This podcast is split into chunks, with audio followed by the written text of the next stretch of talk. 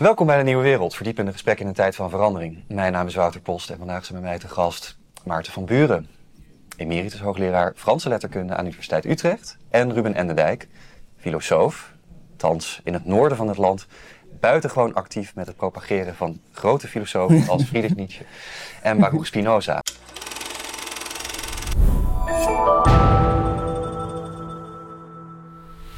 Baruch Spinoza is de kernfiguur die we vandaag in gesprek voor de eerste keer volgens mij in de Nieuwe Wereld uh, gaan behandelen. Uh, Ruben die is in 2021 gepromoveerd in Aberdeen op een proefschrift over waanzin in het werk van Spinoza. Uh, we leven in waanzinnige tijden. mediatisch hebben we het zeer lastig. En de vraag is van hoe kunnen we de reden nu toepassen en kunnen we de conceptuologie van Baruch Spinoza over die reden gebruiken om handvesten te vinden om in onze moderniteit uh, beter ons tot de natuur te verhouden. Uh, dus dat is een beetje de kern. Uh, de eerste vraag die we dan misschien in dat kader op moeten werpen is: wie was Baruch Spinoza? Wie wil aftrappen? Maarten. Ja, wat mij betreft, Spinoza wordt beschouwd als de grondlegger van het rationalisme, mm -hmm. verlichting. Um, en wel als de meest radicale denker in dat opzicht. Radicaal omdat hij compromisloos de reden als uh, de maatstaf toekoer beschouwt. Van waaruit je de wereld en de mensen zou moeten bekijken. En dat brengt hem in conflict met zijn tijd, vooral met uh, Nederland in die omgeving, omdat de maatstaf waaraan toen in elk geval alles werd afgemeten. Mhm. Dat was God. En het probleem met Spinoza was dat hij weliswaar de naam van God noemt, maar dat hij daar de reden onder verstaat. En dat was dus een, een, een steen des aanstoots, waardoor hij in die tijd vervloekt werd door alles wat theoloog was en Gijsbert Voet heette en uh, uh, God vertegenwoordigde op aarde. En het heeft dus tijdenlang geduurd en het is nog steeds niet volledig doorgedrongen wat hij nu eigenlijk met dat radicale rationalisme bedoelde. En dat is de reden waarom wij hier zitten, als ik het wel heb. Uh, absoluut, absoluut. Goed zo. Ja, hoe kunnen we dat gebruiken? Uh, Spinoza werd geboren in Amsterdam, in, maar hij is op zijn 24e volgens mij daar verbannen. Uh, Ruben, heb jij daar een idee over waarom dat dan precies was? Nou, ik, wat het moeilijke is aan uh, de biografie van Spinoza is dat er heel veel verzonnen is -hmm. door zowel tegenstanders als voorstanders van, hem, van zijn denken en van zijn persoon. -hmm. Dus wij weten niet goed wat er gebeurd is uh, met Spinoza in zijn leven. -hmm. uh, dus de, de, die biograaf, er zijn heel veel biografische snippertjes die je bij elkaar moet, moet halen om zijn persoon te duiden.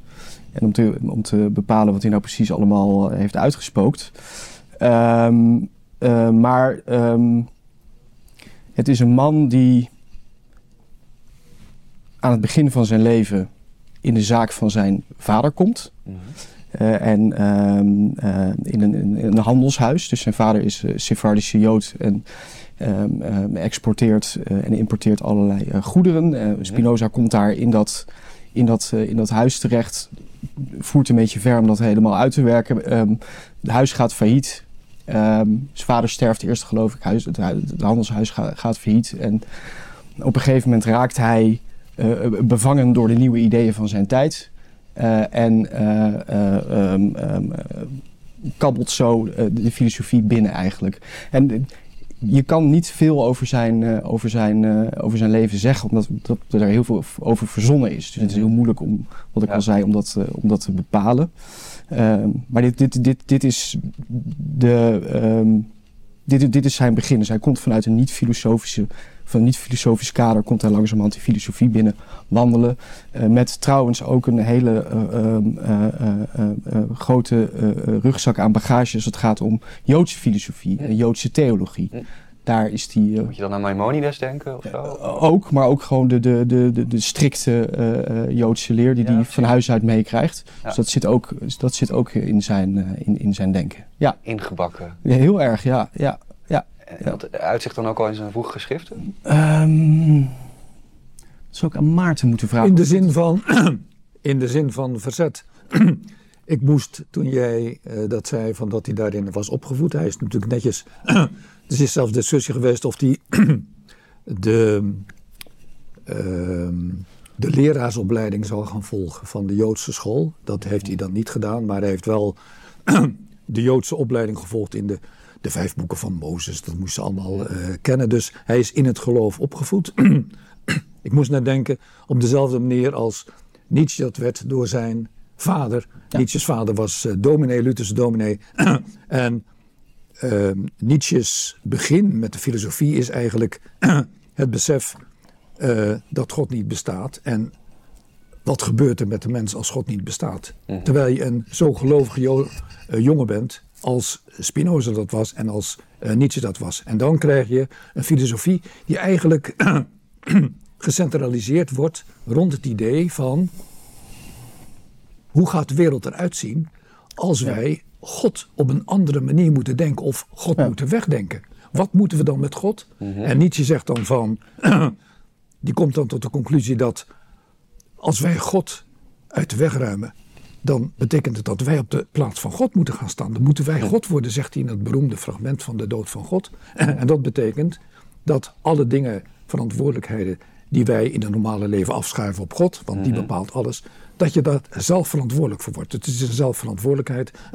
Bij Spinoza doet hij dat wat anders en ingewikkelder. En, maar dan concentreert het zich rond het idee van de twee werelden waar Descartes nog beroemd om is geworden, het dualisme, van dat er een materie is en dat er een geest is en de geest koppelt ons aan God en de materie koppelt ons aan de dieren en aan de aarde.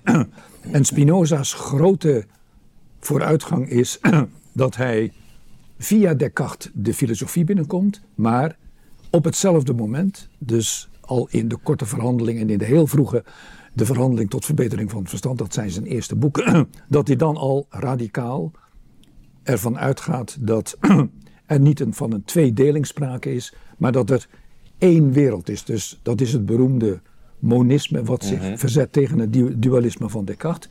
Wat betekent monisme? Heel kort gezegd, dat de dimensie die wij boven de wolken projecteerden, van dat daar de geest of God zag die alles vormend beneden op aarde uh, vormde, dat je die in de aarde, in de materie geprojecteerd moet denken. Dus God en materie, denken en stof, dat is één ding. En datgene wat wij nog niet ten einde hebben gedacht is, hoe moet je je dat voorstellen dat het scheppende beginsel in de materie zelf aanwezig is? Mag, mag ik iets aan, aan toevoegen? Heel graag. Um, dat is denk ik heel belangrijk in, in, in Spinoza's denken, is dat, dat die, die immanentie, dat monisme, ja. uh, uh, dat hij beschrijft als een zelfveroorzakende God. Een God die zichzelf voortdurend veroorzaakt. Juist. Een substantie die zichzelf uh, voortdurend veroorzaakt. Dat de concrete dingen en de concrete gedachten zijn slechts tussen aanhalingstekens uitdrukkingen van God. Hmm. Dat is denk ik ook heel revolutionair in Spinoza's denken. Is dat als ik denk, en mijn geest is niets anders dan een uitdrukking van Gods intellect. Denkt God eigenlijk. Juist. En dat is, dat is denk ik in, waar Spinoza ook binnen de westerse wijsbegeerte zo'n vreemde eend in de bijt is. Ja. Uh, en dat je ook als filosoof, in welke hoek je ook zit, niet echt om Spinoza heen kan. Omdat hij zo'n uh, nou, bijna bizar idee formuleert. Van, als ik denk, denkt God, omdat mijn geest slechts een uitdrukking van God is. Dus in, in zekere zin denkt God zich voortdurend, denkt God zichzelf voortdurend. Ja. Um, um, uh, en dat, dat wil ik even toevoegen ook aan, ja, dat, ja, aan, dat, aan dat hele uh, uh, monisme. Dus dat, je, dat daar, dat daar een, een, een, een dat wij uitdrukkingen zijn, modificaties noemt hij dat. Ja. Van God. Van God. Ja. Het goddelijke, en niet van het transcendente. Absoluut. Je moet er nog een stapje om het goed te begrijpen wat Ruben zegt moet je nog een stapje verder doen. en daaraan toevoegen dat als Spinoza het over God heeft, en dat God zichzelf denkt in de mens als de mens denkt, dat hij het dan heeft over de natuur. Want God is natuur. en dat als God zich denkt in de mens, dat je dan eigenlijk moet zeggen, de natuur denkt zich mhm. in de mens mhm. als wij denken. en dat, hoe moet je dat voorstellen? De enige manier waarop je dat uiteindelijk kunt voorstellen is dat Spinoza met God is natuur bedoelt. De natuurwetten zoals die bezig zijn onder en achter alle dingen. Ja. En zijn idee van dat God zich spiegelt in het denken van de mens, betekent dus dat de natuur in al zijn wonderbaarlijkheid en scheppingskracht tot zelfbesef komt op het moment dat een mens gaat denken. Want het menselijk denken is een soort kleine imitatie van het grote denken dat Ja. onder alle dingen is en dat God is. Ja. Krachtig. Ja. Eh, Kijk, dit zijn de en- dingen waarom we nou nog steeds bezig zijn met Spinoza. Want Ja. Ja. dat, de enorme dingen die Ruben ook aanhaalt, Ja. ehm, die zijn zo enorm omdat het is snel gezegd dat hij monisme plaatst tegenover het dualisme van Descartes. Maar als je dat wilt gaan uitleggen, je gaat erop doorpraten en je zou niet zoals nu een half uurtje tot een uurtje bij elkaar zitten, maar een hele dag of een heel congres, eh, dan denk je dat nog, dan kun je dat nog niet ten einde denken. Daar zit het grote raadselmysterie, Ja. de mystieke dimensie ook. Oh, ja. Ik ben er gisteren nog op aangesproken door iemand uit België die erop wilde promoveren. Oh. Op de mystieke Ja. dimensie. Daar zit die mystieke dimensie van eh En dan Spinoza. heb je in deze tijd heb je mensen als Richard Dawkins.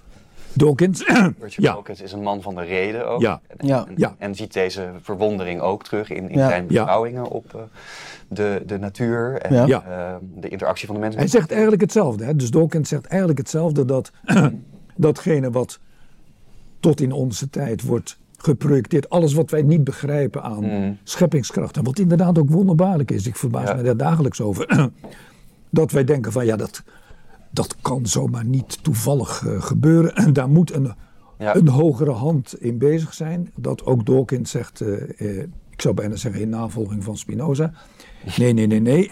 Je moet je best doen om dat te denken als een eigenschap van dat ene ding. Dat Ja. monistische ding. Dat Ja. wij allemaal om ons heen zien. Ja. En waar het heel diep in versleuteld Ja. zit. Ja, Moet, moet heel even denk ik nog een voetnoot plaatsen. Zeker. Eh, namelijk over de, de, de, de, me- de metafysica, als je het zo al zou kunnen noemen in Spinoza, als hij al een metafysica heeft. Maar hij heeft een begrippenapparaat. En ehm, we hadden het over die God, hè, een immanente, eh, immanente, oneindige en eeuwige God. Mhm. Die zich uitdrukt in de, in, de, in de dingen en het denken. Mhm. Dat hij zegt dat die God zich uitdrukt in zogenaamde attributen. En in oneindig veel attributen, waarvan extensie, eh, eh, uitgebreidheid, even kort gezegd de materie en het denken, slechts twee uitdrukkingen zijn Mhm.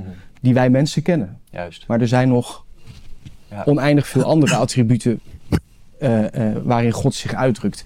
Natuurlijk heeft hij dat nodig om, om, zijn, om zijn redenering sluitend te maken en logisch te maken. eh, want je hebt immers te maken met een oneindige God. Mhm. Dus hij moet ook oneindige attributen hebben. Dus, dus het is, hij denkt nog, nog veel groter dan alleen maar het denken en de materie. Het is nog veel meer dan dat. Het is ook een misvatting om te denken als Spinoza het heeft over de natuur. Dan heeft hij het niet over de wereld en de dingen die daarop eh rondscharrelen. Hij heeft het ook niet over het heelal. Ja. Hij heeft het over alles. God is eigenlijk een aanmoediging aan de mens Ja. als term om over dat veel grotere na te Ja. denken eerder dan iets Ja. heel Ja. absoluuts. Ja. En het interessante wat ik de afgelopen week heb eh, gezien is dat de Egyptoloog Jan Asman is overleden. Ik weet niet of die naam jullie wat zegt. Nee. Nee. Maar Asman die, eh, heeft een aantal cultuurfilosofische beschouwingen geschreven over de oorsprong van de judaïstische religie. Ja. Die in zekere zin in het eh, zicht van de Egyptische religie zich vorm heeft gegeven. Dus het monotheïsme, Ja. dat zich alleen maar als afzetting tegen het polytheïsme Ja. en eh, dergelijke eh, zet. En Asman die schreef over hoe de oude Egyptenaren eh, keken naar het zijnsbegrip van de mens. En wat hij daarin zei, was dat de mensen helemaal niet bezig waren met het leven op aarde, maar dat ze bezig waren met het leven in het naleven, Ja. het nachtleven, zoals dat heet. Ehm, en dat de grote godheid van de onderwereld, Osiris, eeuwigdurende perfectie zou zijn. Dat was Ja. zijn cognomen. Ja. Dus in, in zekere zin zit die tendens al in een heel vroege eh, menselijke neiging kennelijk in Egypte.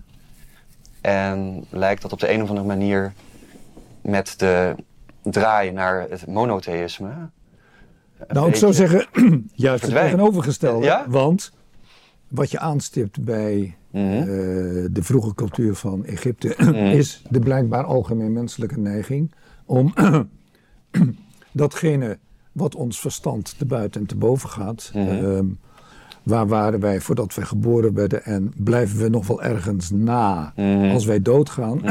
Om daar een antwoord op te geven en dan begint het grote verzinnen. Dan begin Ja. je te denken aan een wereld na de dood en dat er een God in de onderwereld is en wij Ja. denken aan een God in de bovenwereld en een hiernamaals waarin wij al of niet eh, eh, beloond worden voor Ja. onze zonde of onze weldaden.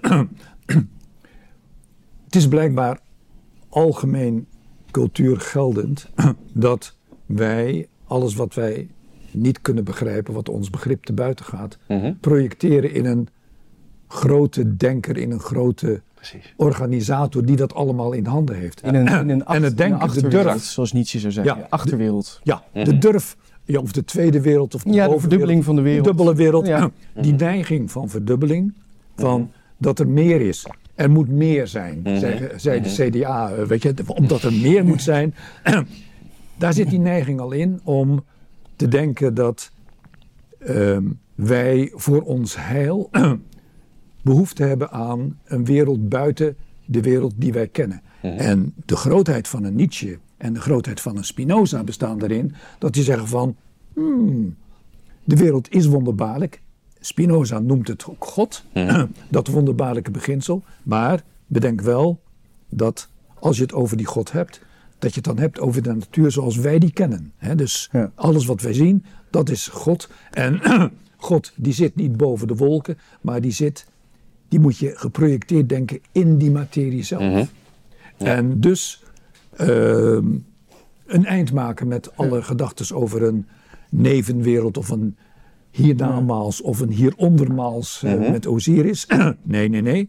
Alles wat ons overkomt, Mhm. dat gebeurt hier en nu. En we moeten ons verbazen over al die wonderbaarlijke dingen die wij niet weg moeten projecteren in de boven- of onderwereld, maar die hier zitten, hier nu in Ja. ons allemaal. Ja. Ja.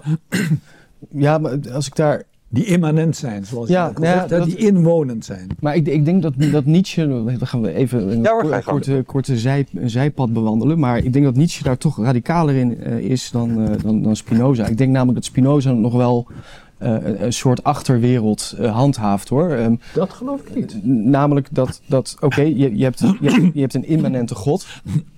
Die drukt zich uit in oneindig veel attributen, waaronder denken en lichaam, of eh, denken en uitgebreidheid. En dat kennen wij als mensen. Eh, maar wat, wat, wat, wat die God nog verder is, blijft voor ons een raadsel. Mhm. Eh, waarmee hij toch nog de, de, de mogelijkheid biedt dat er iets buiten de wereld wordt verondersteld. Eh, terwijl eh, Nietzsche daar veel radicaler in is. Hij zegt gewoon, de zintuigelijkheid. Eh, denken is een, is een functie van het lichaam. En eh, we, moeten, de- we moeten die drang om een achterwereld te formuleren, moeten we achter ons laten. Dus ik ben het wel met Maarten eens dat, dat, die, dat, dat zij allebei die immanentie benadrukken en de natuur centraal stellen. En dat een eventueel goddelijk, goddelijkheid dan in die natuur zou zitten. Maar, maar, maar Spinoza heeft, die bouwt nog een soort uitweg in zijn systeem in. Eh, door, door, door die God oneindig te maken en door die God eh, ehm, eh, ehm, te laten bestaan uit oneindige veel attributen. Dat is, dat is denk ik nog wel een Ja. verschil.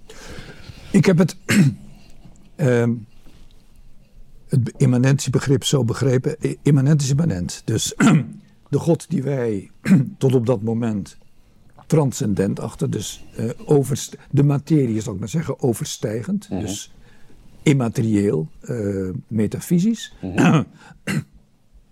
Die moet je, zegt Spinoza, immanent denken. Dus inwonend in datgene wat wij materie achten. En daar zijn geen halve wegen voor mogelijk. Dus die, het is, God is immanent of transcendent. Volgens Spinoza is die immanent. Dus vormt hij een eenheid met wat wij de materie Juist. achten. Ja. Daar zit de raadslachtigheid. En het idee van oneindigheid, dat wordt dus, dat is de bijzonderheid van dat monisme-beginsel. Dat wordt in dat monistische geheel geprojecteerd. Dus als je al kijkt naar oneindigheid, dan zit dat naar mijn mening in de wonderbaarlijke, de vraag waar dat scheppende beginsel dat aan de oorsprong ligt van alles, waar dat dan immanent in is. Waar zit dat immanente beginsel? En de bijzonderheid van die vraag is dat als je dat accepteert in de radicaliteit waarin Spinoza dat aanbiedt, dat wij tot op de dag van vandaag geen sluitend antwoord kunnen geven op de vraag van als dat scheppende beginsel in de materie is inbegrepen, waar het dan precies is. Wat is dat dan eigenlijk, dat scheppende beginsel? Nee, dat ook zelfs de kwantumfysici, uh, de Niels Bohren en de Heisenbergen, die hebben daar geen antwoord op. Die hebben zich daarover verbaasd. Dus, mm we hebben toch wel pogingen om die kant uit te gaan. Dus als we kijken naar David Deutsch en uh, de multiversale theorie. Dus dat er meerdere universa naast elkaar bestaan. Ja, maar als je het, als je het even houdt tot het universum tot waar wij kunnen kijken, uh, hmm. 13 en drie kwart miljard uh, lichtjaren ver. Hmm. En je bepaalt je tot de vraag hoe dat heeft kunnen bestaan en hoe, hoe dat zich heeft kunnen ontwikkelen hmm. uit een enorme balling van energie tot aan de veelvormige wereld die wij nu kennen of een deeltje daarvan kennen. Dan stelt zich de vraag waar het scheppende beginsel zit dat uit die oorspronkelijk gebalde energie zoveel wonderbaarlijk mooie wezens maakt. De vogels en de bloemen en de vissen en wij zoals we hier om de tafel mhm. zitten. wij kunnen een eind denken. Dus uh, ik heb met verbazing en bewondering uh, gelezen wat Niels Bohr en Werner Heisenberg daarover discussiëren. Als ze zeggen van dat ze toch wel heel ver gevorderd zijn nu met wat er in de kern van atomen gebeurt en de uitwisseling van materie en energie en alles wat daarin gebeurt, dat ze dat allemaal kunnen beredeneren. Ze kunnen ook de stap maken van de kernfysische beginselen naar de chemie, naar de scheikunde. Dus ze kunnen dat koppelen aan de verscheidenheid van al die verschillende elementen die ook weer eindig zijn. Dat hele gebeuren, kunnen zij nadoen. Dus dat kunnen ze manipuleren. Ze kunnen dus experimenteel de dingen nadoen die gebeuren op het niveau van de atomen, subatomen, tot en met de chemie. Maar het niveau daarop volgend van de biologie. Mhm. De vraag van hoe kan het dat uit die chemische uh, dingen, dat daar leven uit ontstaat en wel leven op zo'n manier dat dat zich ontwikkelt tot de prachtige wezens die wij om ons heen zien, de planten, de dieren, de vissen en wij om deze tafel, die vraag kunnen ze niet beantwoorden. En dat is een van de dingen waar, ik zit naar het boek te wijzen, maar het is een ander boek, waar Werner Heisenberg en uh, Niels Bohr dan naar verwijzen. Mhm. En dat is precies het beginsel waar Spinoza op wijst als hij het heeft over immanentie. Dus immanentie van God, dat wil zeggen van de natuur, dat wil zeggen van de scheppingskracht. Dat is een vraag waar, je, waar ik mij niet ophoud om me erover te verbazen. En hoe verder ik kom in Spinoza, en ik ben er nu al een jaar of twintig mee bezig, dat hoe verder ik kom tot het idee dat de radicale kern van Spinoza daarin ligt. Dat als je hem letterlijk neemt op zijn stelling dat God immanent is mhm. en dat het dualisme van Descartes van de scheiding van de wereld in de mhm. boven- en de onderwereld vervangen moet worden door één monistische wereld, dan word je voor de vraag gesteld van wat dat scheppende beginsel, ja. als dat natuur is, als God natuur is, waar dat scheppende beginsel is. Ja. En uh, we vragen door en we kijken verder, maar hij wees dus de goede weg. Juist. Eens, Ruben? Uh, um, nou ja, deels. Maar ik, ik blijf erbij dat, dat, dat wat Maarten net uh, uitlegt, dat dat, dat, dat dat blijft besloten in het domein van de, de, de uitgebreidheid. Dus dat is, ja. dat is uh, hoe Spinoza, hij heeft in de ethica heeft hij een, heeft hij een heel merkwaardig middenstuk, de, de, de, de, de fysische uitweiding.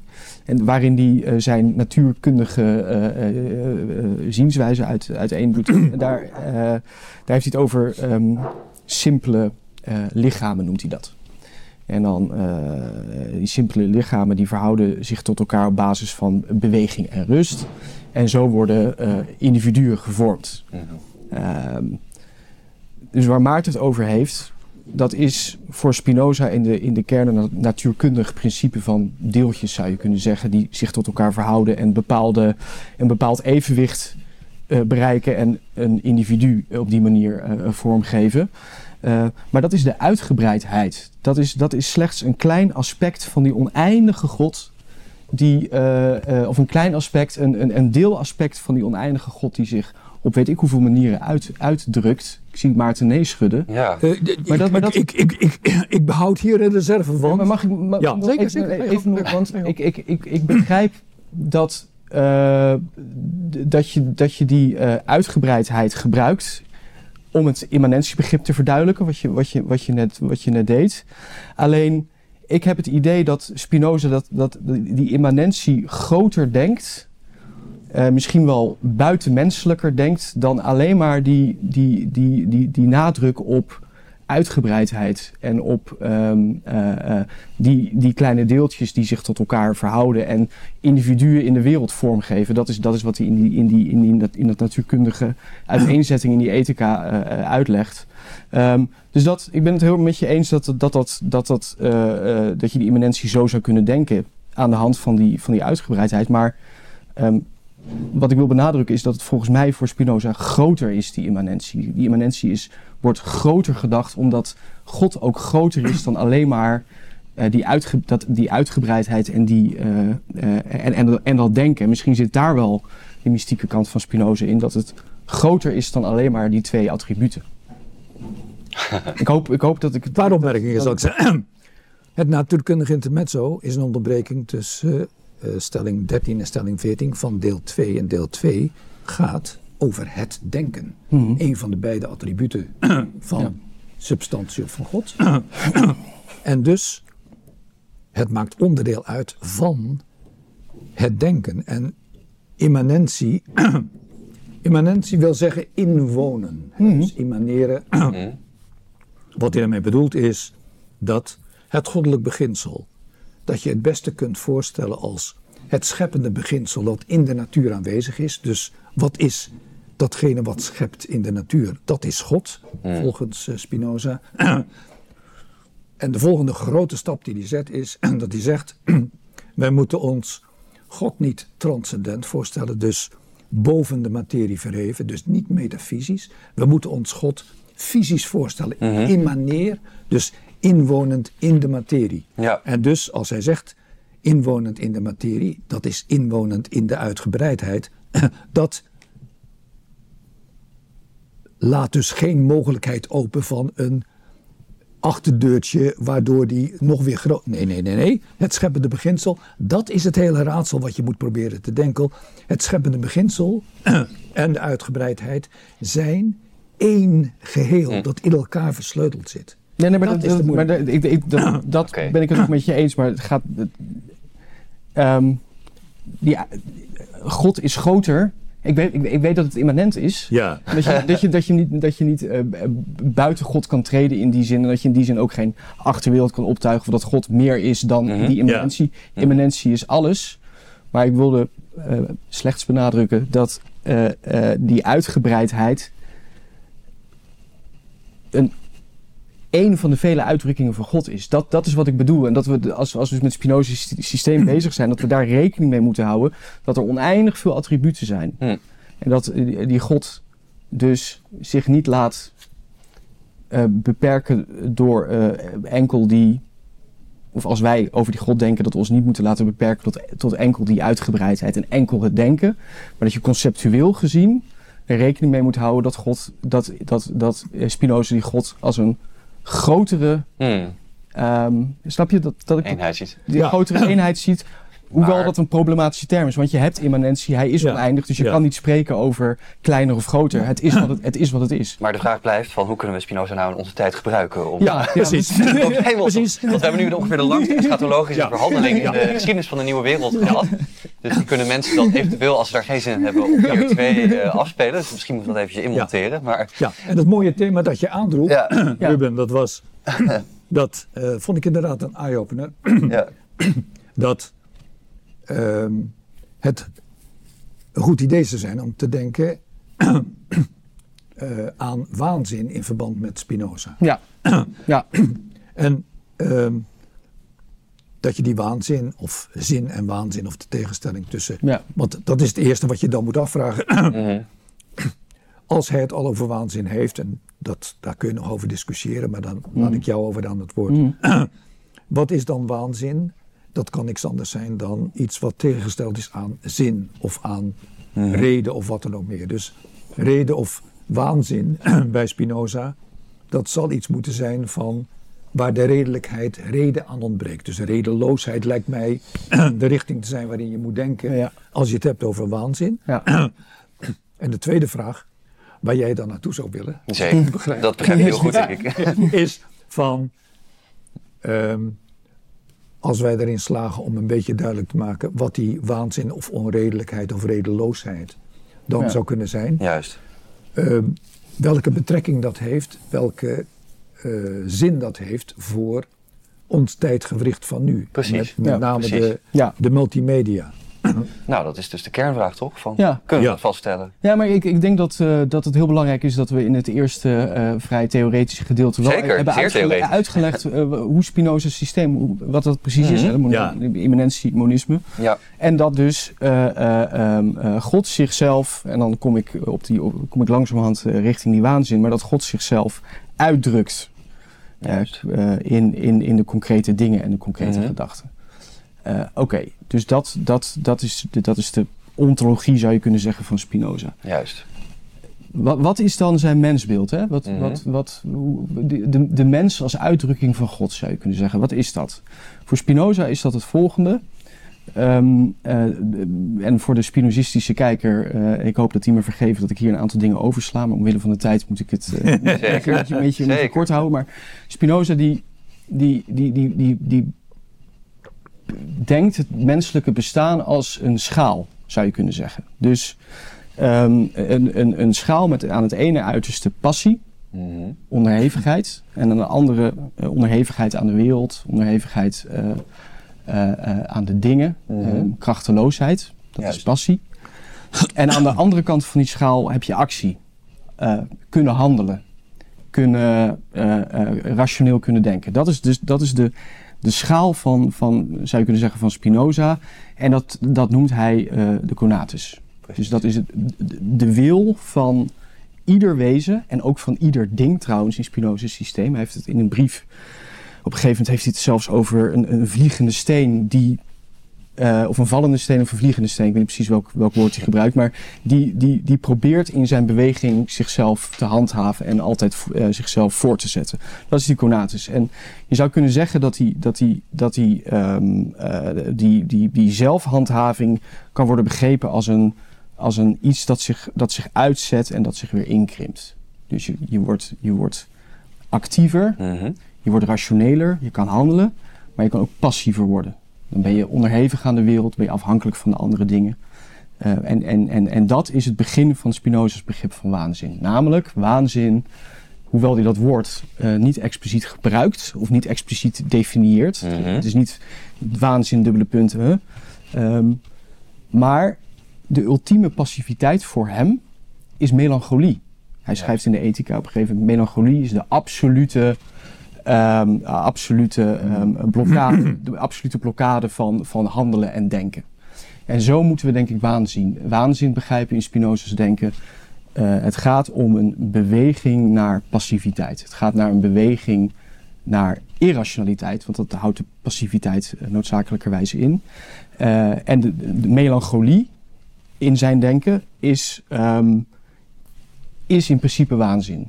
Het langzaam wegglijden in een, in een, in een onredelijke eh, eh, zijnsmodus, zou je Ja. kunnen zeggen.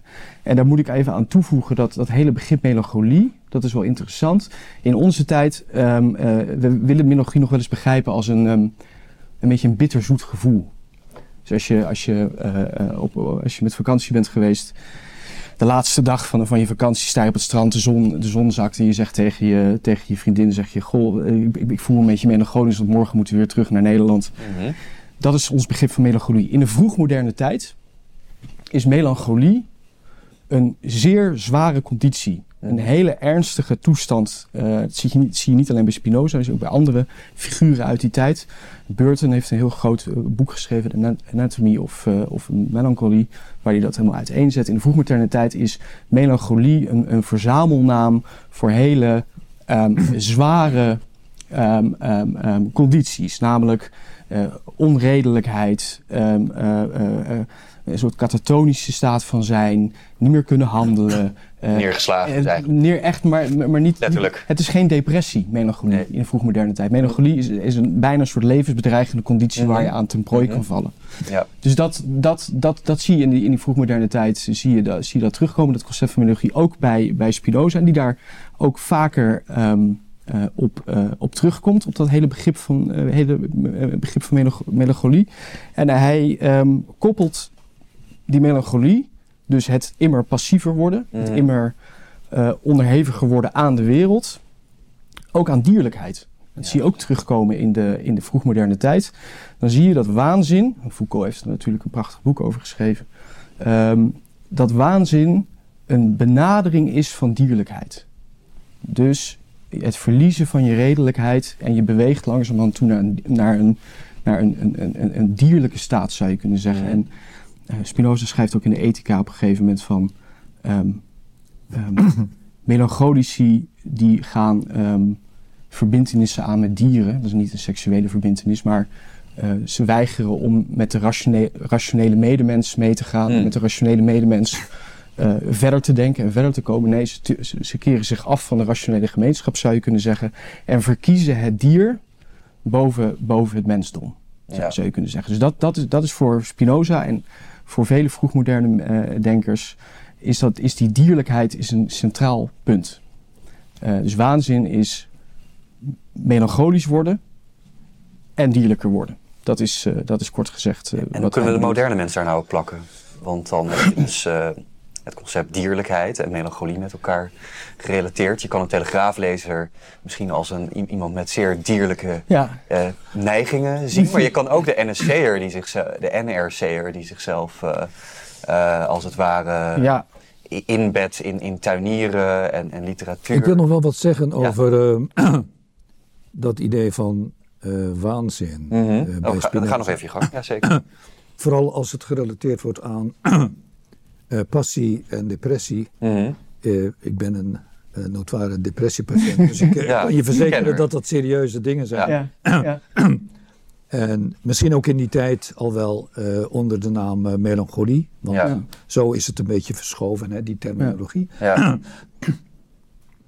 um, zoals je zegt, um, Spinoza uh, snijdt het onderwerp waanzin uh, niet aan in zijn uh, boek. mm. Hij gebruikt de term waanzin wel een aantal keren, delirium mm. is dat, in de verhandeling tot verbetering van het verstand en in de ethica een aantal keren.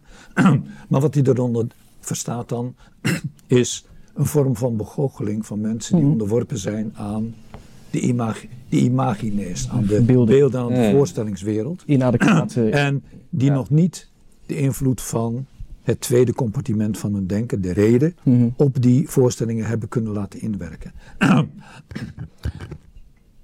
Hij heeft zich dus, er is dus in die zin tekent zich een idee van waanzin af dat je moet omschrijven als onredelijkheid. In de zware zin die Spinoza eraan zou geven. Mensen die niet redelijk zijn, die zijn nog niet in staat om hun illusoire voorstellingen in te tomen door middel van hun reden en zijn dus in die zin onredelijk irrationeel. Mm -hmm. Waanzin is voor Spinoza het overgeleverd zijn aan die niet gereflecteerde, niet door de reden gereflecteerde voorstellingen.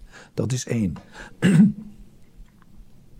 er is een andere lijn van denken in Spinoza, die heeft met uh, passie te maken. passie is een onderdeel van de affectenleer. En de affectenleer die zet Spinoza uiteen in de delen 3, 4 en 5 mm -hmm. van de ethica. Daar heeft hij dus heel veel ruimte voor nodig, want het vormt de kern van zijn ethica, zijn eigenlijk gezegde ethica. wat zijn passies? Passies zijn onderdelen van de affecten. En wat zijn affecten? Affecten zijn, letterlijk vertaald, aandoeningen. Dat legt hij ook uit. aandoeningen zijn dingen, objecten, mensen die andere mensen iets aandoen. En dat stelt hij zich voor in de letterlijke zin dat wij bestaan omdat wij voortdurend worden aangedaan door alle mensen en alle dingen die om ons heen zijn. En dat kan zijn een bord lekker eten of een, eh, een kopje koffie of een eh, lekker hapje zoals we dat net hebben gehad. Of een leuke vrouw die, of een man die op straat voorbij loopt. Alles wat appelleert aan ons, dat doet ons aan. In de letterlijke zin in eerste instantie van een aandoening affectio, die ons lichaam raakt. Hij stelt zich dat ook letterlijk voor als een aanraking. en in de tweede plaats, als het vertaald wordt door onze ogen en naar onze geest wordt vertaald, dan wordt het een affectus, namelijk een affect in de zin, zoals wij dat tegenwoordig ook nog gebruiken, een met emotie beladen voorstelling van die aandoening. Mhm. Dus er zijn twee verschillende dingen. Er is een aandoening, dat is lichamelijk, en er is een affect, en dat is de geestelijke weerspiegeling van die aandoening. nou is de redenering waarop hij zijn hele ethische gedeelte van de ethiek gaat opbouwen, dat in beginsel wij, zoals alle andere dieren, leidzaam zijn onderworpen aan alle aandoeningen waarom wij onderhevig zijn.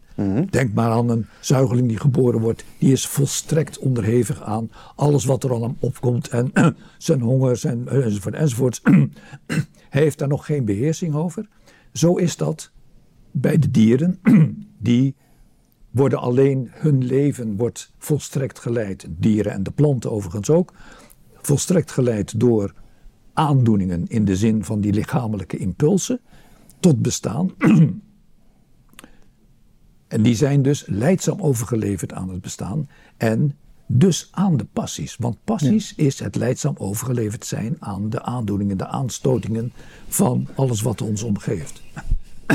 De klik van de ethica is nu dat Spinoza in de loop van aan het eind van deel 3 en aan het eind van deel 4 voorzetjes geeft naar deel 5, waarin hij zijn grote verrassing gaat uitpakken, namelijk dat de mens zich van dieren onderscheidt. Omdat hij reden heeft, ratio, dat tweede compartiment in zijn hoofd.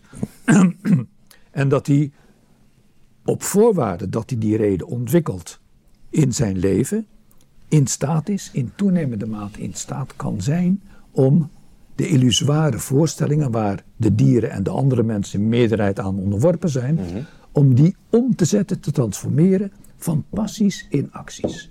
En dat is de clue waarop die uitkomt aan het eind van de ethica. En uh, hij gebruikt uh, in deel 4 van de ethica schrijft hij dat. Hij gebruikt die, uh, dat, de, de, de, zeg maar de, de inherente passiviteit van het dier. Gebruikt hij ook als een rechtvaardiging om dieren op te eisen zoals, wij, zoals ons goed dunkt. Ja. Dat schrijft hij letterlijk. Ja. We, we mogen, de, we mogen de natuur gebruiken zolang het maar de reden ja, ja. dient. Op een gegeven moment schrijft hij van... Uh, uh, we mogen alles uit de weg ruimen uh, um, wat ons onveilig maakt Ja. of, of, wat de reden Ja. bedreigt. Dus hij, Ja, ja. hij ziet, hij, Opmerkelijke passage. in maar hij, maar hij ziet die, hij ziet die redelijkheid ook, eh, die rationaliteit, ziet hij ook als een, als een, als een ehm, ik zou zeggen, een soort bolwerk dat beschermd moet worden tegen passieve krachten en irrationele krachten die van buiten komen. Dat, dat, dat zie je ook heel erg in hem, hoe die in de ethica voortdurend benadrukt van we moeten een rationele gemeenschap eh, eh, eh, vormen. We moeten met alle rationele mensen moeten samenkomen en die vormen dan als het ware één, rationeel, één rationele geest. En, en er zit ook een, een, een hele ideologie daar. In dat denken van Spinoza. Eh, waar de ene rationele mens als vliegwiel ehm, fungeert voor de andere rationele mens. En dat je zo'n soort van je kennis voortdurend opbouwt. Ja. Dus dat, dat zit daar. eh, Een soort gemeenschap van weldenken. je, be- dat zeker, dat zit zit, er dat, zit daar, eh, dat Ja. zit daar heel erg in ook. Ja. Is dat nu nog mogelijk, zo'n gemeenschap van weldenken?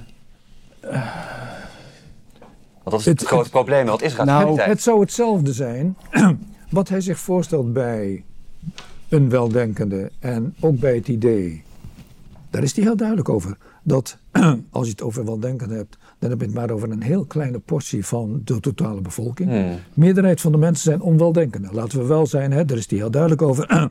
Die komen er niet aan toe om hun daden, hun gedrag, hun bestaan Ja. te reguleren via de ratio. Die moeten door wetsregels gedwongen worden om de juiste dingen te doen. Mensen die zich daarin tegen trainen in hun reden, Mhm. die, als ze dat consequent doen, op zeker moment zijn ze in staat om zonder enige dwang van buitenaf door wetsregels of door rechtsregels de juiste dingen te doen. En die mensen, die herkennen elkaar. Die vormen een gemeenschap Ja, ja. die als het ware een soort regulerend beginsel is Ja. binnen de grote, binnen Ja. het gehele volk. En als Het, hij is dus niet En- van... Ja, ga je gang. Ja, het interessant dat, dat Maarten dat aanstipt eh, over die eh, normale mensen. Je moet niet vergeten, dat is vooral eh, als je zijn theologisch politiek traktaat leest. Ja, Spinoza kan behoorlijk aristocratisch uit de hoek komen. zeer kennelijk. Ja, echt als de aristocraat van de ziel, aristocraat van de reden. Hij, hij, hij is behoorlijk eh, pessimistisch wat betreft de, de, Menselijke aard. de, het gewone volk. Hij gebruikt ook of best realistisch. Of realistisch, dat Nou, zou dat is ook maar kunnen. vraag, toch? Ja, maar hij gebruikt heel vaak inderdaad de, de, de, de zinsnede het gewone volk. Ja. Daar heeft hij het heel vaak over. Fascinerend. Eh, dus hij, Bizar dat in Amsterdam daar op dat voetstuk staat, toch? Ja, Bij ja. de Ja. Sociaaldemocraten. Nee, maar dat, Nou ja, maar een van de vragen zou zijn, als je, als je kijkt naar de mogelijkheden van toepassing van Spinoza naar de tijd van nu, of het wel wezenlijk anders is in deze tijd. Ja, goed, in de jaren 60 en 70 was toch het ideaal van verheffing altijd daar. En was ook het idee van iemand uit een arbeidersgezin die kan ook Ja. een eh, boek lezen en een beetje Maar je zegt terecht nadenken. ideaal. Eh, wat is er van terechtgekomen? Is het er tegenwoordig... best veel van De vraag zou zijn, met Spinoza, de vraag die Spinoza zou stellen als die hier aanwezig ja. zou zijn, aan tafel, zou zijn van, jullie het hebben dan wel over dat ik elitair ben als een soort edelman daar over de geest. is het in jullie tijd veel anders? En dan zouden wij moeten zeggen, nou ja, we hebben een verheffing, ideaal, Ja. en dat meer. En dan zou Spinoza zeggen van, wat is daarvan terechtgekomen? Is het wezenlijk anders? En Ja. is het tegenwoordig niet ook zo dat de grote menigte van het volk in bedwang moet worden gehouden? Dus Ja. binnen de lijnen van wetsregels moet, moet handelen. Maar is dat niet een, een zichzelf vervullende profetie ook in, in het Westen in, in bredere zin? Hè? Dus dat eh, het idee dat de politiek dwang moet uitvoeren en dat het nodig is, Ja. dat dat zichzelf versterkt. Ja. Dat mensen zich conditioneerd voelen, uh, gekoeieneerd eigenlijk, of tot koe gemaakt in dat systeem. Zeker uit de lagere klasse. En dat dat... en ik- Spinoza ik- ik- bepleit dat, Mm. dat, dat je wetten en rechtsregels kunt verminderen. Ook dat is een heel mooie gedachte. Mm. Dus dat je steeds minder dwang hoeft op te leggen aan de mensen, naarmate zij zich de redelijke beginselen eigen hebben gemaakt. Juist. Daar zit een hele mooie gedachte in. Ja. Dus, en ik denk dat we dat. Kijk, het is een hele mooie gedachte om te controleren of dat in de moderne tijd ook inderdaad. Ik denk dat dat Ja. klopt. Ik denk dat dat klopt. Ja. Dat wij in Nederland tegenwoordig. Wij zijn heel voorzichtig, langmoedig met het, met het reguleren van alles. We laten de mensen in hoge mate dingen doen. Langmoedig wel. Voorzichtig weet ik niet. Maar, maar ik, ik, om een kleine voetnoot te plaatsen en ook om, om misschien even richting deze tijd te gaan bewegen Ja, hoor. eh, verder. Ehm, kijk, we kunnen ons natuurlijk de vraag stellen, en dat is, dat is natuurlijk in de 20e eeuw al heel vaak gedaan door eh, bijvoorbeeld eh, Adorno en Horkheimer Mhm. in eh, Dialectiek der Verlichting. Of die, die, die, die rationaliteit en die redelijkheid en die verlichting, of die houdbaar is. Ja. En kunnen we zeggen dat het denken van Spinoza, Mhm. het, de niets ontziende rationaliteit. Of die, ehm, als je bijvoorbeeld kijkt naar zijn opmerkingen over dieren, als je kijkt naar zijn opmerkingen over, Mhm. eh, over eh, de irrationaliteit, en zijn, Mhm. zijn, zijn weerzin tegen de irrationaliteit. Ja, of dat, of, dat, eh, is, of dat nog wel een, bruikbaar, een bruikbare filosofie is. Want er zitten in Spinoza, en dat is mijn persoonlijke vrevel ten opzichte van Spinoza, is daar, dat daar heel erg beheersingstendensen in zitten. Juist. Natuurbeheersing. Ja. Eh, de natuur Dat willen, weet ik niet. de natuur Wel, willen, Ja, ja. willen Nee, nee, knechten nee. als die Ja. zegt van we moeten de natuur, Ja, ja. we mogen uit de weg ruimen wat ons, eh, wat ons niet, eh, wat ons niet. eh, maar dat, eh, dat, Dat zegt hij niet. maar, niet. ik, ik vind dat, ik vind het, dat vind ik heel opmerkelijk aan, Ja. zijn, eh, eh, aan, zijn, aan zijn denken. En ja. ehm, om het gekscherend te zeggen, ehm, lijkt Spinoza mij ook heel erg verwant aan de types die wij in Silicon Valley bijvoorbeeld zien rondlopen. Juist ja. Die, die de, de, de ratio en de redelijkheid, eh, al dan niet bijvoorbeeld met kunstmatige intelligentie, als een soort panacee zien. Ja, ja. Dan zit Voor je alle- aan voor- geval Har- Harari en dat soort mensen denken. De- bijvoorbeeld, maar, Ja. ook, eh, maar ook aan mensen als Musk en zo. Die, die, die de rationaliteit en het, en, en en het logische denken en, en, en de wiskunde en de techniek en alles wat eruit voortvloeit, dat die dat, dat zien als, als het oplossen van alle wereldproblemen. Mhm. Ehm, Mhm.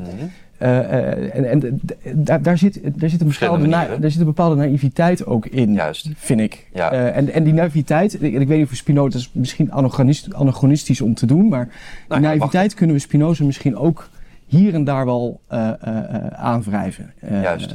Denk Ja. ik. Dat denk ik ook wel, ja. Als ik Jij er niet, maar- op mag reageren. Ehm, ik ben het met je eens dat er irritante kantjes zitten aan Spinoza. En Mhm. dat die, zoals die die redenering opzet in de ethica. Ik, zit nu, in- ik ben mijn vertaling aan het herzien. En de, de- je, je wordt er Het is trouwens de Dag. vertaling van Maarten hè, voor iedereen. Dus er zijn twee Nederlandse uitstekende vertalingen. Sorry, ik, ga- ik laat je zo doorpraten. Maar ik wil toch even laten zien aan de mensen. Eh, kan, kan, kent u even de camera op de... Ja, precies. Dus we hebben twee vertalingen. Eentje uit 2017 van eh Maartens hand. En dat is na de vertaling van Henri Krop, moet ik zeggen. Niet Ja, wat ik ja. eerder zei. ja, Eh, en eh, nou ja, het is toch even mooi om te zeggen dat eh, jij daar ook daarom een heel groot kenner bent. Ik ben daar bezig met de, het, het, het herzien van de vertaling. Hij wordt in een nieuwe vorm begin volgend jaar uitgebracht. dus ik word dagelijks weer geconfronteerd met zijn bijna onmenselijke redeneertrand. van Die geen enkele ruimte laat voor tegenwerping. Juist. En die een soort schijnbare wetenschappelijkheid van wiskundige stellingen die je dan Mhm. op eh, morele problemen toepast. Daarin is die bijna onverteerbaar eh, dat hij geen enkele discussie toelaat. maar ik heb geen enkele twijfel over de grondslag van zijn denken, van die ratio of redelijkheid. Omdat in de tijd dat ik mij echt ben gaan verdiepen in Spinoza. Ehm, ik met name bij de Stoa eh, te raden ben gegaan, waaruit dat boek over Marcus Aurelius een van de voortvloeisels was. En wat die achtergrond mij duidelijk heeft gemaakt is dat Spinoza zijn begrip ratio ontleent aan de Stoa en de Stoa die formuleert het begrip ratio als een vertaling van het Griekse woord logos. Juist. En logos, dat is een veel breder begrip dan wij normaal verstaan onder ratio, rationalisme. Ja. Logos, dat is het scheppende beginsel in alles. Dat wil zeggen God, dat is de grondslag van de taal, want taal is logos.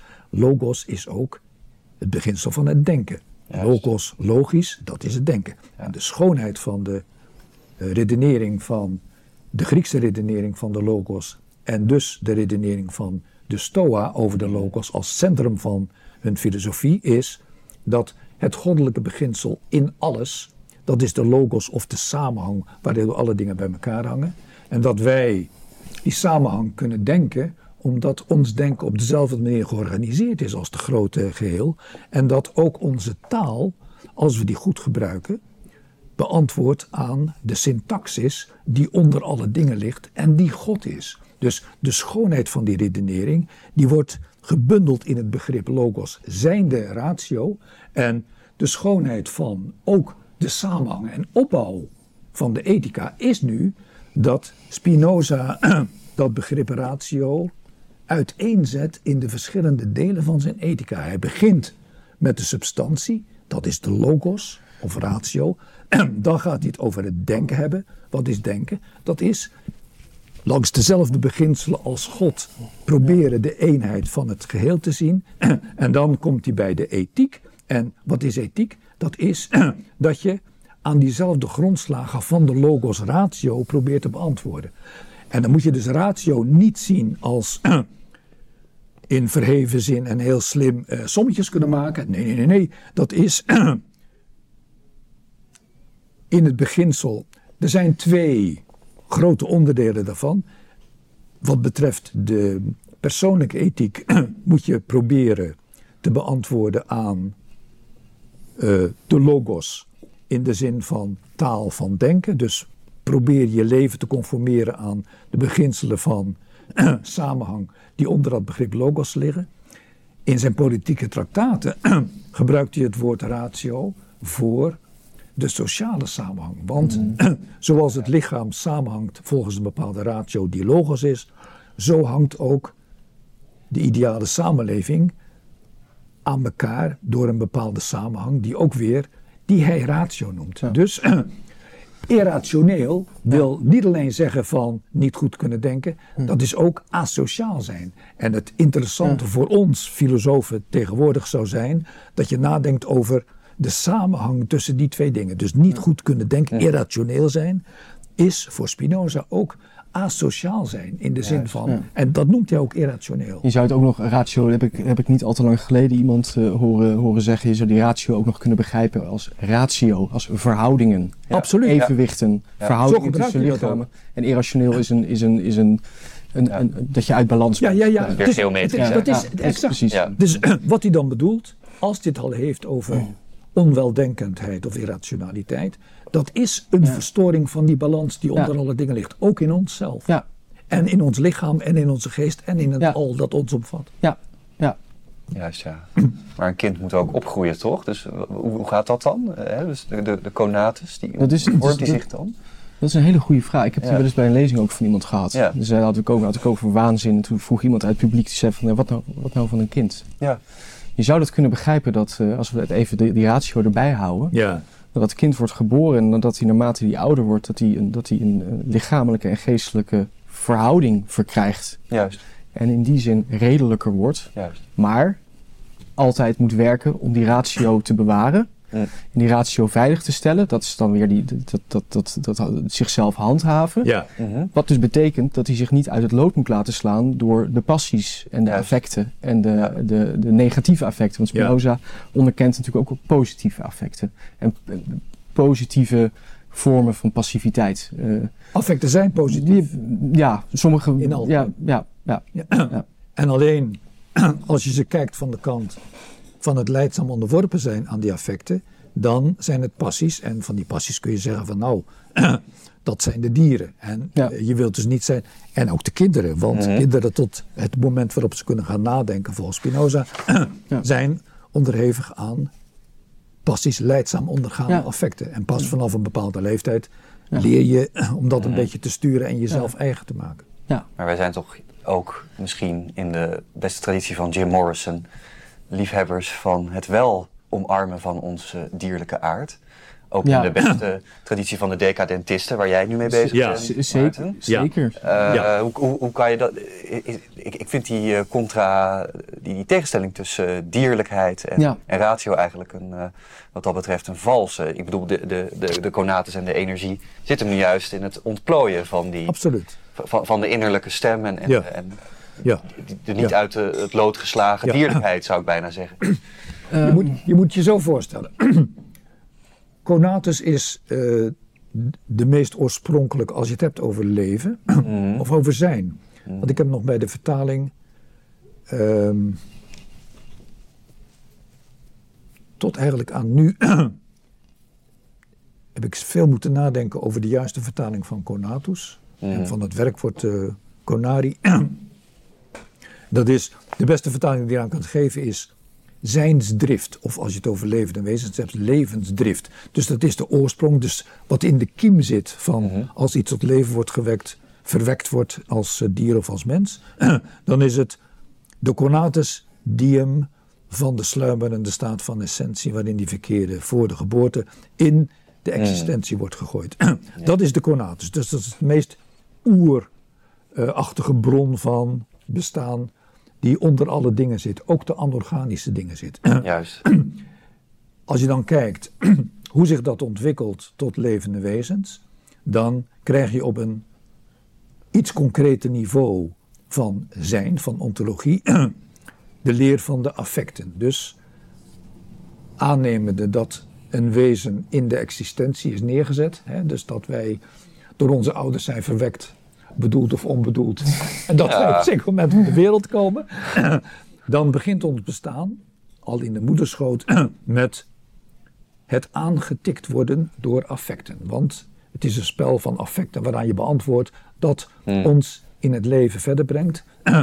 en dan zijn we, zoals gezegd, in beginsel allemaal gedurende ons hele leven onderhevig aan het leidzaam ondergaan van die affecten. Dat zijn passies. En pas bij mensen, als ze in staat zijn om te leren hun reden te gebruiken, dan kunnen ze het vermogen ontwikkelen om datgene waaraan ze leidzaam onderworpen zijn, in acties om te Juist. zetten. En dat is de grond van zijn ethiek. En dat is ook op zichzelf weer een grote vraag. Want Ja. wat moet je je voorstellen bij alle dingen, die in het, alle dingen in het leven? Ouder worden, eten, drinken, eh, partners, de hele reutemeteut van... eh, Juist. Ja. dat zijn allemaal in beginsel passies. Daaraan kun je niet onttrekken, want je kunt je niet onttrekken aan ouder worden of uh, aan het feit dat je een mank bent of uh, dat je niet goed kunt Toen kon dat zeker niet. Nee, je kunt, Ja. dat, dat, kun je, dat zijn allemaal gegevenheden. Ja. En toch zegt Spinoza daarvan, dat zijn passies. Maar als jij je reden ontwikkelt, dan ben je in staat om dat in toenemende mate te transformeren tot acties. Juist. Dus ook als jij mank bent, of als je oud bent, of als je bijna doodgaat, of als je partner overlijdt, dan zijn dat in hevige mate passies die jij als redelijk wezen te lijf gaat en omvormt tot acties. Ja. En de grote grap in de ethiek is van, hoe doe je dat? Ja. Hoe doe je dat? Ja. Ja. Ja, en ehm, dan is het ook nog zo dat in Californië, waar jij het al eerder over had, Ja. nu in Silicon Valley er mensen zijn die met het thema onsterfelijkheid bezig zijn. En, Ja, ja. Ook, en ook het idee hebben dat ze daar op de een of andere manier eh, wel, wel iets moois van kunnen maken. Dus je hebt bijvoorbeeld Brian Johnson, die zijn ehm, biologische leeftijd achteruit aan het eh, werken is op dit Ja. moment. Ja, Dus ik ben heel erg benieuwd wat Spinoza wat dat betreft daarover zou hebben. ja, ja, ja. ja. Nou ja, als ik daar, eh, dat vind ik wel interessant. Want de, de- kijk, je, je kan altijd in het zwaard van, de, van, de- van het anachronisme, anachronisme eh, vallen. Dus het is heel erg lastig om een denker uit de vroegmoderne tijd.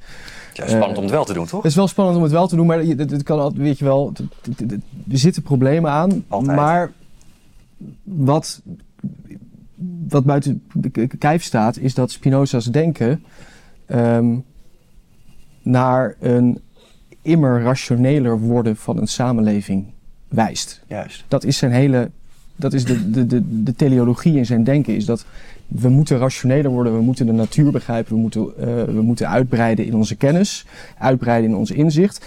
Daar zit, er zit ook een, een, een heel stevig, eh, vind ik, een heel stevig maakbaarheidselement in zijn denken. De natuur beheersen, eh, de natuur naar de menselijke hand zetten, et cetera.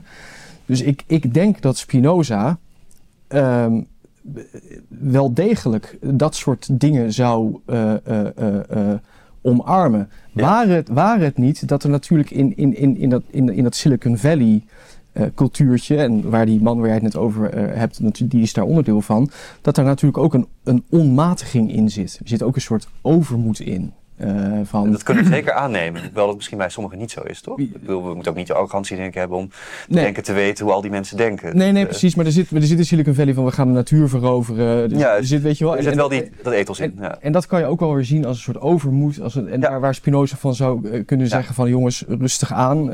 Zijn lijfspreek was koude, voorzichtigheid. Juist. Dus er zit daar op die twee gedachten hink ik een beetje. Mhm. Maar dat hij eh, een rationeel ingerichte samenleving en een technocratisch ingerichte samenleving zou toejuichen. Ik denk dat dat buiten kijf staat. Als je, als je de ethica leest. Bij, bij mij is dat kijf. Eh, Is er niet. Nee, nee.